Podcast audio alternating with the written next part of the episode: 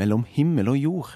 Så det at de er helt alene i verden, da, det, det gjør jo at vi har litt lyst til å stille opp for dem og være her for dem. Liten og alene, uten mor og far, i et fremmed land med en helt ukjent kultur. Ja, det er hverdagen for mange enslige mindreårige flyktninger som kommer til Norge. Men så finnes det de som åpner opp hjemmene sine for de som ikke har noe hjem lenger.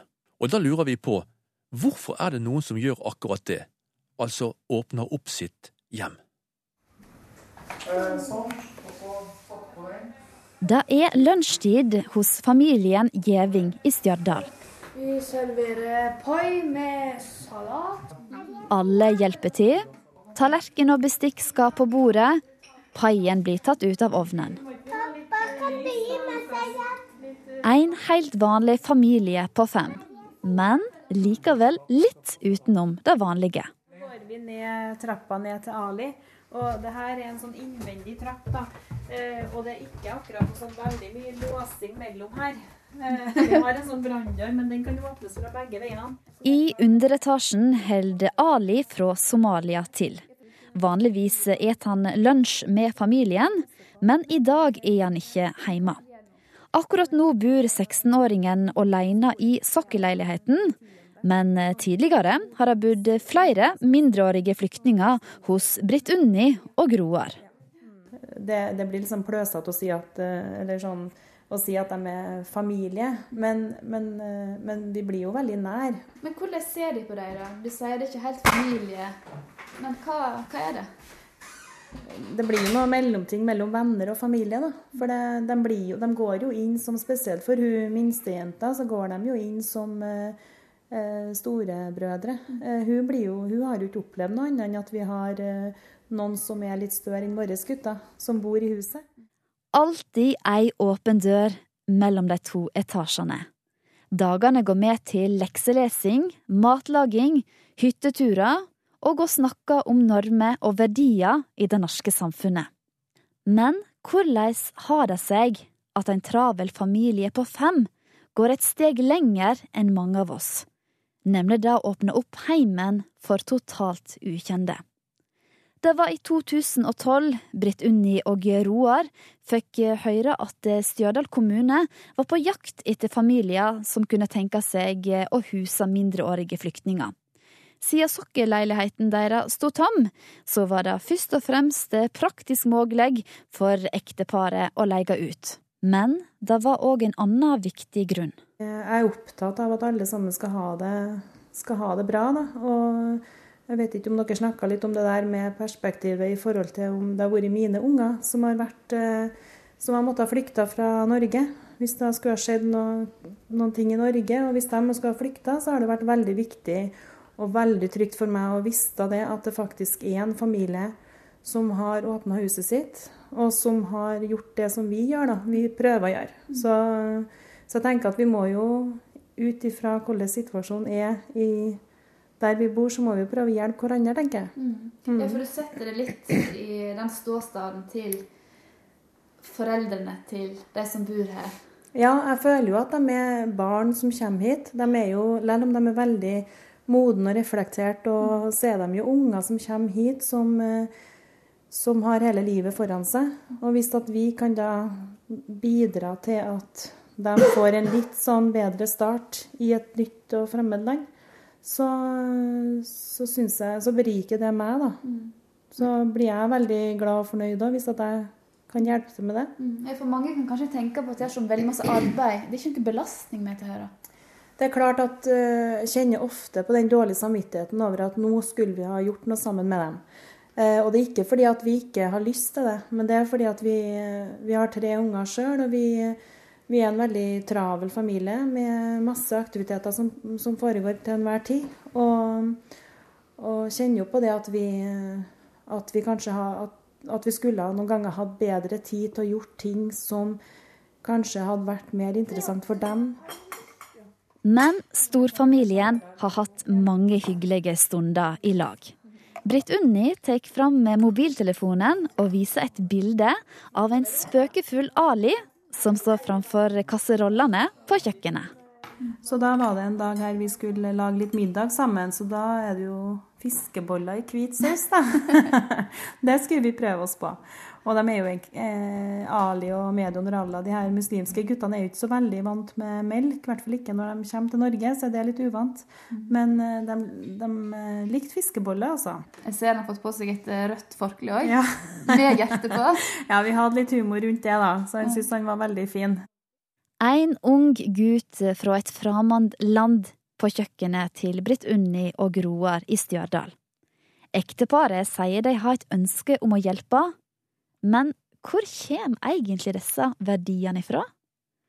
Britt Unni hun tenker tilbake igjen på barndommen sin, og til foreldre som alltid hadde husrom og tid til andre. Mamma var en veldig god samtalepartner for mange, tror jeg. Som hadde Det kunne være perioder i livet der noen hadde det litt tungt eller eh, hadde litt utfordringer. Og, og, mamma var veldig opptatt av å se hver enkelt. Da. Eh, vi hadde en del eh, vi hadde, vi hadde, mye forskjellige folk som kom på besøk hjemme hos oss. Og, og som jeg tror, jeg tror de syntes det var veldig godt å snakke med mamma. Jeg husker pappa noen morgener han eh, gikk, når han skulle lage frokost, så gikk han ut i gangen og telte skopar. Så vi hadde et veldig sånn eh, åpent hus, da, der eh, kompiser gjerne lå over. det å hjelpe andre, det har vært en del av din barndom. Du hadde en mor som eh, likte veldig godt å hjelpe andre mennesker. Når ble dette her eh, en del av deg? Eh, nei, jeg vet ikke. jeg vet ikke om en del av meg. Jeg ser ikke på meg sjøl som en sånn Sånn som det å være som mamma, det, mamma er helt spesiell i forhold til det. Mm. hun tror jeg har en sånn gave. Men når jeg ble voksen og fikk mine egne barn, jeg tror nok det at når du får, når du får unger sjøl, så tror jeg at du du får en annen, annen, annen Du reflekterer litt annerledes i forhold til, i forhold til samfunnet rundt deg. I forhold til hvordan du vil at ungene skal vokse opp, og hvordan vi skal ha det. Og du forstår litt, jeg forstår kanskje litt mer den gangen eh, vi satt rundt middagsbordet hjemme hos oss, og mamma, og mamma ikke klarte å la være å invitere, invitere ei dame som kom gående forbi huset vårt. Eh, for hun hadde sagt det en gang at hvis det kommer en tur, så må hun bare stikke innom. Og så kom hun gående, og så satte hun seg på den steinen rett utenfor huset, huset vårt. Og da sier mamma at nei, jeg må gå og invitere hun dama her. Og så, og så, husker jeg vi sa, vi var ganske egoistiske, vi resten rundt bordet der da sa at vet du, mamma, nå har vi satt oss ned for å ha en sånn familiemåltid. Nå syns ikke vi du skal gjøre det. Nå, nå, er det bare oss, familien. Og så gjorde ikke mamma det. Og jeg husker enda sånn at åh, det var litt sånn vondt etterpå. Fordi at vi på en måte Mamma måtte ma, Mamma hørte på oss, da. At nei, kan ikke vi få lov til å kan ikke vi få lov til å være litt familie nå? Mm. For det var viktig for oss det å bare være oss òg. For mamma hadde alltid liksom sånn eh, Hadde alltid noen hun tenkte på. Og det var jo kjempebra. Men vi hadde så lyst til å ha denne familiesituasjonen akkurat der og da, for da hadde vi på en måte planlagt det. Mm. Eh, men i dag også tenker jeg på det, hvor, hvor, hvor, unødvendig det var, egentlig. For det betydde så mye for mamma. Og mamma kjente at det var det hun skulle gjøre. Hun, skulle, hun hadde sagt til den dama en gang at du må nå stoppe, stoppe innom. sant? Og så satt hun der, og så da kjente mamma at hun skulle ha vært ute og invitert hun dama. Og det hadde jo, hadde jo bare vært koselig, egentlig. Men der og da så så ikke vi det, altså. Så den mm. episoden har kanskje altså, gjort meg altså, har, mm. har, fått deg til å tenke på en ny måte, da? Ja, det har jo det. Samtidig så kan det bli litt sånn Noen ganger så tenker jeg, noen ganger så tenker jeg at det kan bli litt Og det tror jeg mamma tenker sjøl òg, at det kan bli litt mye noen gang. At du har liksom dette her så iboende at det kan være nesten litt plagsomt noen ganger. Nå har jo du fått med deg eh, en arv fra mora di. Eh, ønsker du å påvirke barna dine òg? Jeg er jo opptatt av, eh, som vi har snakka om her, så er jeg jo opptatt av at mine unger skal ikke være så egoistiske, da. Mm. At vi skal, at vi skal ha den eh, bry oss om andre, og at vi ikke skal tenke på oss sjøl først. Det, det, er viktig for meg. Samtidig som jeg er litt mer Jeg er nok litt mer der at jeg har òg fått med meg nå at hvis du skal klare å hjelpe andre, så må du òg sørge for at du har det bra sjøl. Du må ta vare på deg sjøl og ta de pausene du trenger. Du må, du må ordne litt med deg sjøl, da. Det var reporter Camilla Tjønn Tingvold som besøkte familien Gjeving, som altså bor i Stjørdal i Nord-Trøndelag. Mellom himmel og jord. Hei, jeg heter Henriette Stenstrup, og her er historien om eh, en som var veldig snill mot meg. Hva skjedde? Nei, dette var i går. Jeg kjørte taxi, skulle på mange jobber. Glemte en lue, veldig dyr lue, i taxien. Og istedenfor å bare hive den i søpla eller gi den til noen, så ringte han taxisjåføren meg og sa at han hadde funnet den. Og så hadde jeg jo ikke tid til å hente den. Og da kjørte han i arbeidstida si hjem til meg og la den lua i postkassen. Og det syns jeg var så snilt. Men hvorfor var det så snilt? Fordi det var en ting han ikke trengte å gjøre. Det var ikke hans ansvar. Han gjorde det for å være grei.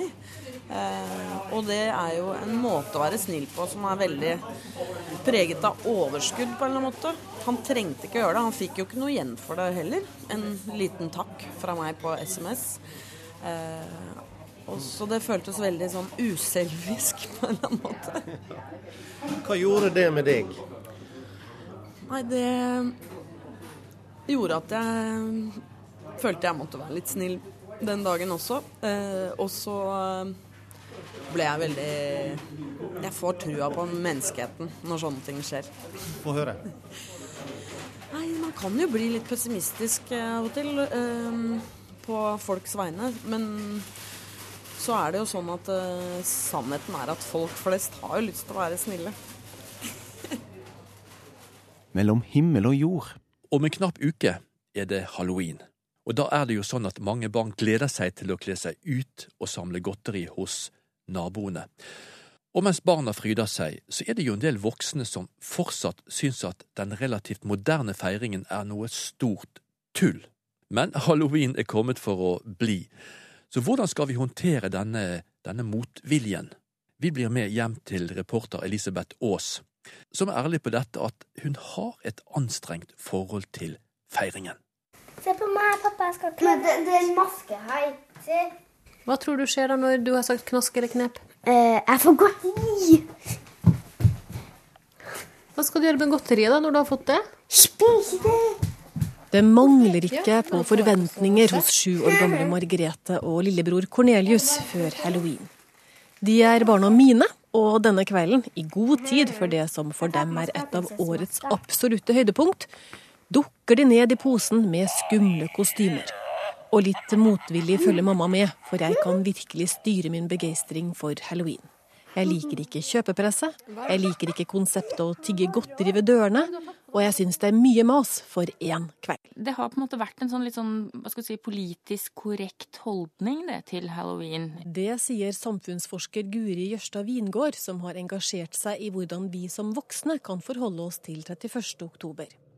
Halloween var opprinnelig kelternes nyttårsfeiring, der de lagde masker for å skremme vekk onde ånder. Vi kjenner den best som den amerikanske allehelgensfeiringen, der store og små kler seg ut i nifse antrekk, og spesielt de siste truer med rampestreker om de ikke får snop når det ringer på døren. Og det er jo nytt for oss som er voksne, og det var ikke der da vi var barn. Det var knapt nok så vi har klart å få det med oss fra amerikanske filmer heller, tenker jeg. At det var liksom ikke en sånn, eh, sånt fenomen vi forholdt oss til. Men det fikk et sånn stempel som sånn noe man greit kunne distansere seg fra, som noe litt sånn kommersielt og utenlandsk og til og med amerikansk, og, og så kunne man være litt skeptisk. Og da er det litt sånn tabu å bryte det, eh, det stempelet og si at ja, men nå, nå, nå fins jo her, nå må vi forholde oss til det. Altså det er, det er blitt en litt sånn vanlig ting å si at nei, ja, usj a meg. Eh, denne halloweenen kommer igjen, liksom. Og jeg er åpenbart blitt en sånn som sier usj a meg. Spørsmålet er har jeg egentlig rett til det? Hvis jeg hadde vært sju år i dag, hadde jeg jo antagelig syntes at å kle seg ut, gå ut i mørket og skremme, og ikke minst få godteri av naboen, hadde vært fantastisk. Akkurat som datteren min. Du Margrethe, Ja. hva syns du om halloween? Jeg syns det er spennende. Det er gøy å kle seg ut, og så er det gøy å få godteri. Halloweenfeiringen var nokså ukjent i Norge til utpå 1990-tallet. Har folk omfavnet den nye skikken nå? Jeg syns det er artig, ja. Ungene mine syns det er veldig artig. Så Vi bruker å dra på sånn halloweenfest på Stjørdal som er laga for unger. Så slipper de å gå fra dør til dør og forstyrre dem som ikke liker det. Enn du? Det er jo mest for ungene det er artig, da. De har mulighet til å kle ut seg. og Jeg skjønner godt at det er mange som ikke liker det, for det er jo ikke noe tradisjon vi har hatt i Norge noe lenge. Jeg syns at det er en eh, artig tradisjon som er kommet til Norge. Vet du, jeg er ikke så overbegeistret, det må jeg bare si. Det er jo noe nytt som er kommet inn her hos oss, og jeg vet ikke, det virker litt fremmed. Jeg syns det er kjempeartig for ungene og for voksne. Vi har selskap hjemme, så alle kler seg ut og samles hjem til oss. Helt håpløst. Hvorfor syns du det er håpløst? Nei, eh, det er bare innhenta fra USA for at uh, leketøysbutikker og godteributikker skal tjene penger. Det er noe alle tradisjoner i Norge vi har hatt tidligere, så når jeg var mindre, så var det ikke sånn. Hva syns du om halloween? Eh, det er jo en tradisjon som jeg ikke vokste opp med sjøl. Men nå har jeg ei lita ei på to og et halvt hjem, så det blir sikkert ikke noe vei utenom at en må være med på det. Du sier ingen vei utenom. Betyr det at du kan styre din begeistring? Ja, det er jo ikke noe man har noe forhold til sjøl. Men eh, man kan ikke hindre barna å få være med på det. Samme om du liker eller ikke liker eh, halloween, så har vi voksne ansvar for at ikke dette skal bli en sånn vond og ekkel dag for de som eh, føler seg utestengt, eller som blir veldig usikre i to uker på forhånd på om de egentlig blir helt aleine den kvelden. Det, da, har det, da har det på en måte ikke noe lenger med om dette er eh, noe vi liker eller ikke liker. Det, det, er akkurat det samme som med klassefester eller, eller eh, fotballeir eller hva som helst. Der vil vi mene at her skal vi ta oss av hverandre og være greie med hverandre. Og nettopp derfor mener Guri Jørstad Wingård at jeg og andre som sutrer over halloween-tradisjonen, heller bør bruke energien vår til å sørge for at alle blir inkludert, og at man lager regler for hvordan man oppfører seg når det blir mørkt, og gresskarlyktene tennes. Ja, det er en ny skikk. Da, treng, da, da arver vi jo ikke et sett med regler eller skikker for hvordan man ordner seg. Da trenger vi jo å opparbeide med sånn passe porsjon klokskap og raushet eh, noen sånne regler for hvordan vi oppfører oss og hvordan vi gjør ting. Og hvis unger skal gå rundt i mørket utkledd og og få godteri, så er jo det noe som vi trenger litt veiledning på. Altså hvor banker vi på, og hva gjør vi? Og vi sier takk, og vi, vi, gjør faktisk ikke noe knep. Vi bare Det er jo bare en artig trussel, liksom sånn. Det er eh, Alt dette vet jo ikke ungene av seg sjøl, hvis ikke vi er med og veileder. Så må jeg kanskje slippe min såkalt politisk korrekte skepsis og sende ut ungene med bøtte til godteri og noen regler til å ha i mente. Det jeg har lyst til å gjøre, da, er at jeg har lyst til å gå og ringer på døra til folk og sier knask eller knep. Men det er ikke lov å hente egg hjemme og kaste det på huset. Det er et slemt knep. Hva slags knep er det du har tenkt ut, da? Jeg er bare sånn ja, det var sju år gamle Margrethe som planlegger å peke nese som triks til den som ikke åpner godteposen på halloween. Du hørte også samfunnsforsker Guri Jørstad Wingård. Det var Elisabeth Aas som hadde laget denne reportasjen. Mellom himmel og jord. Av og til her mellom himmel og jord så havner vi på trappen til Siri Spillum. Det har vi også tenkt å gjøre i dag, det vil si, det er litt surt ute på trappen i dag, så vi finner oss et annet naturlig sted for en prat. Ja, sier spiller. I dag så havna vi altså attmed kjøkkenbordet. Ja, vi gjorde det. Ja, ja. Det bles i overkant ut. Ja, det var ikke noe trivelig på trappa i dag, Nei, altså. Nei, det er ikke noe. Nei. Men det er jo fint på kjøkkenbordet òg. Ja. ja. Er det på, sånn på kjøkkenet hun dere vi skal snakke om i dag, befinner seg ofte? Ja, vet du, hun er glad i å være på kjøkkenet. Det er sant. Mm. Hun heter tante Sofie. Ja. Vi kjenner jo hun. Ja, ja. Og det er lett å ta på seg den uh, rollen. Mm. Og særlig hvis man begynner å kjede seg litt, kanskje, eller at man har behov for å ha kontroll. Ja. Så tar man på seg skjørtet til uh, tante Sofie. Mm. Og... og bestemmer. Ja, bestemme, ja. ja. ja dirigere. Dirigere hit og dit. Bestemme at uh, klokka fem skal vi ha middag. Og nåde hvis du ikke kommer. Og det er tid for alt, og det er Altså ikke god tid for alt, men, uh, men alt skal gjøres da når tante Sofie vil. Mm. Mm. Og så snakka vi litt om at du er i slekt med flink pike. Ja, hun er veldig nær slekt. Mm. Ja. Tante? Tante, tanta til flink pike, rett og slett. Men hun er litt mer sånn framfus, da? Ja, hun er det. Det eh, blir gjerne litt sånn utrivelig. Vi står liksom med lua i handa når tante Sofie svinger rundt oss. Det, da er vi litt sånn uh, hm, Tro hva vi får uh, Altså, hun kommanderer, vet du. Ja. Så vi er redd for at hun skal ta oss med noe. Men uh, trenger vi henne? Ja, hun er ålreit å ha altså det med, det med Vi trenger ikke tante Sofie, men vi trenger regler. Mm. Og vi trenger systemer Mm. for å få gjøre ting enklere rundt oss. Og hvis ikke, så blir det jo fullstendig anarki, så det Vel, det skal vi ikke gå inn på.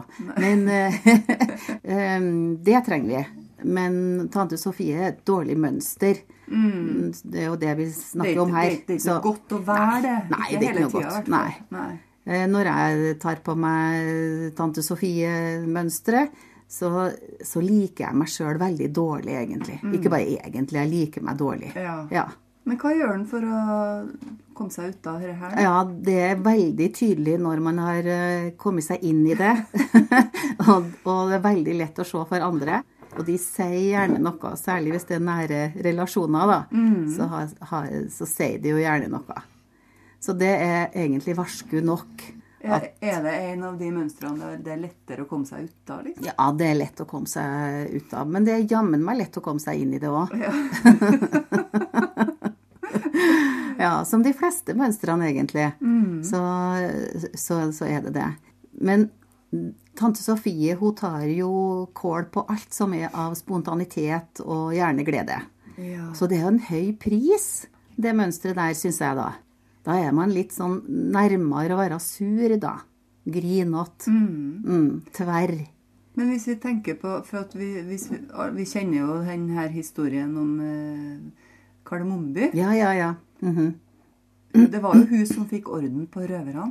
Det, det gjorde hun. Ja. Så, så det var jo bra. Det var noen skikkelige villstyringer, det, da. Ja. Som hun klarte å få has på. Men, men hun har jo følelser, hun også. Så det var jo en av de der karene der som var veldig attraktiv, tydeligvis. Mm. Og da forsvant vel mye av syndromet hennes også. Hun fikk litt annen farge i kinnene, hun. Det tror jeg, da. Ja, vi kan, vi kan vi tror vi legger til det, vi. Sant? Ja. Men altså, hvis du skulle si hvor mye altså, hvis Vi er enige om at vi trenger det òg. Hvor mye trenger vi hvis at, uh, vi skal sette ei tid da, i løpet av ei uke? Hvor mye tante Sofie skal vi være? Og fem minutter. Er fem minutter nok? Ja, syns du ikke det? da? Regler i orden det er ikke tante Sofie, for det trenger vi. Men det er når det tar overhånd og det blir et dårlig mønster. Mm. Og det, jeg vet ikke om jeg vil gå for fem minutter heller, jeg. For det er jo noe surt over hele vesenet her, da. Jeg syns jo det. Fire og et halvt, da. Du vil ha inn, du. Glad i reglene. Nei da, jeg liker regler, jeg òg, men ikke for reglene sin skyld. Og det er jo da mønsteret har dukka opp, når, når det gjøres for reglenes skyld, og ikke for at det skal bli lettere eller bedre. Og så heier jo jeg på spontaniteten, da. Mm. Det er jo en av i hvert fall mine ledestjerner Mm. i livet, så nei, tante Sofie får ikke mye gehør hos meg, nei. Sorry. Sorry, Margrethe.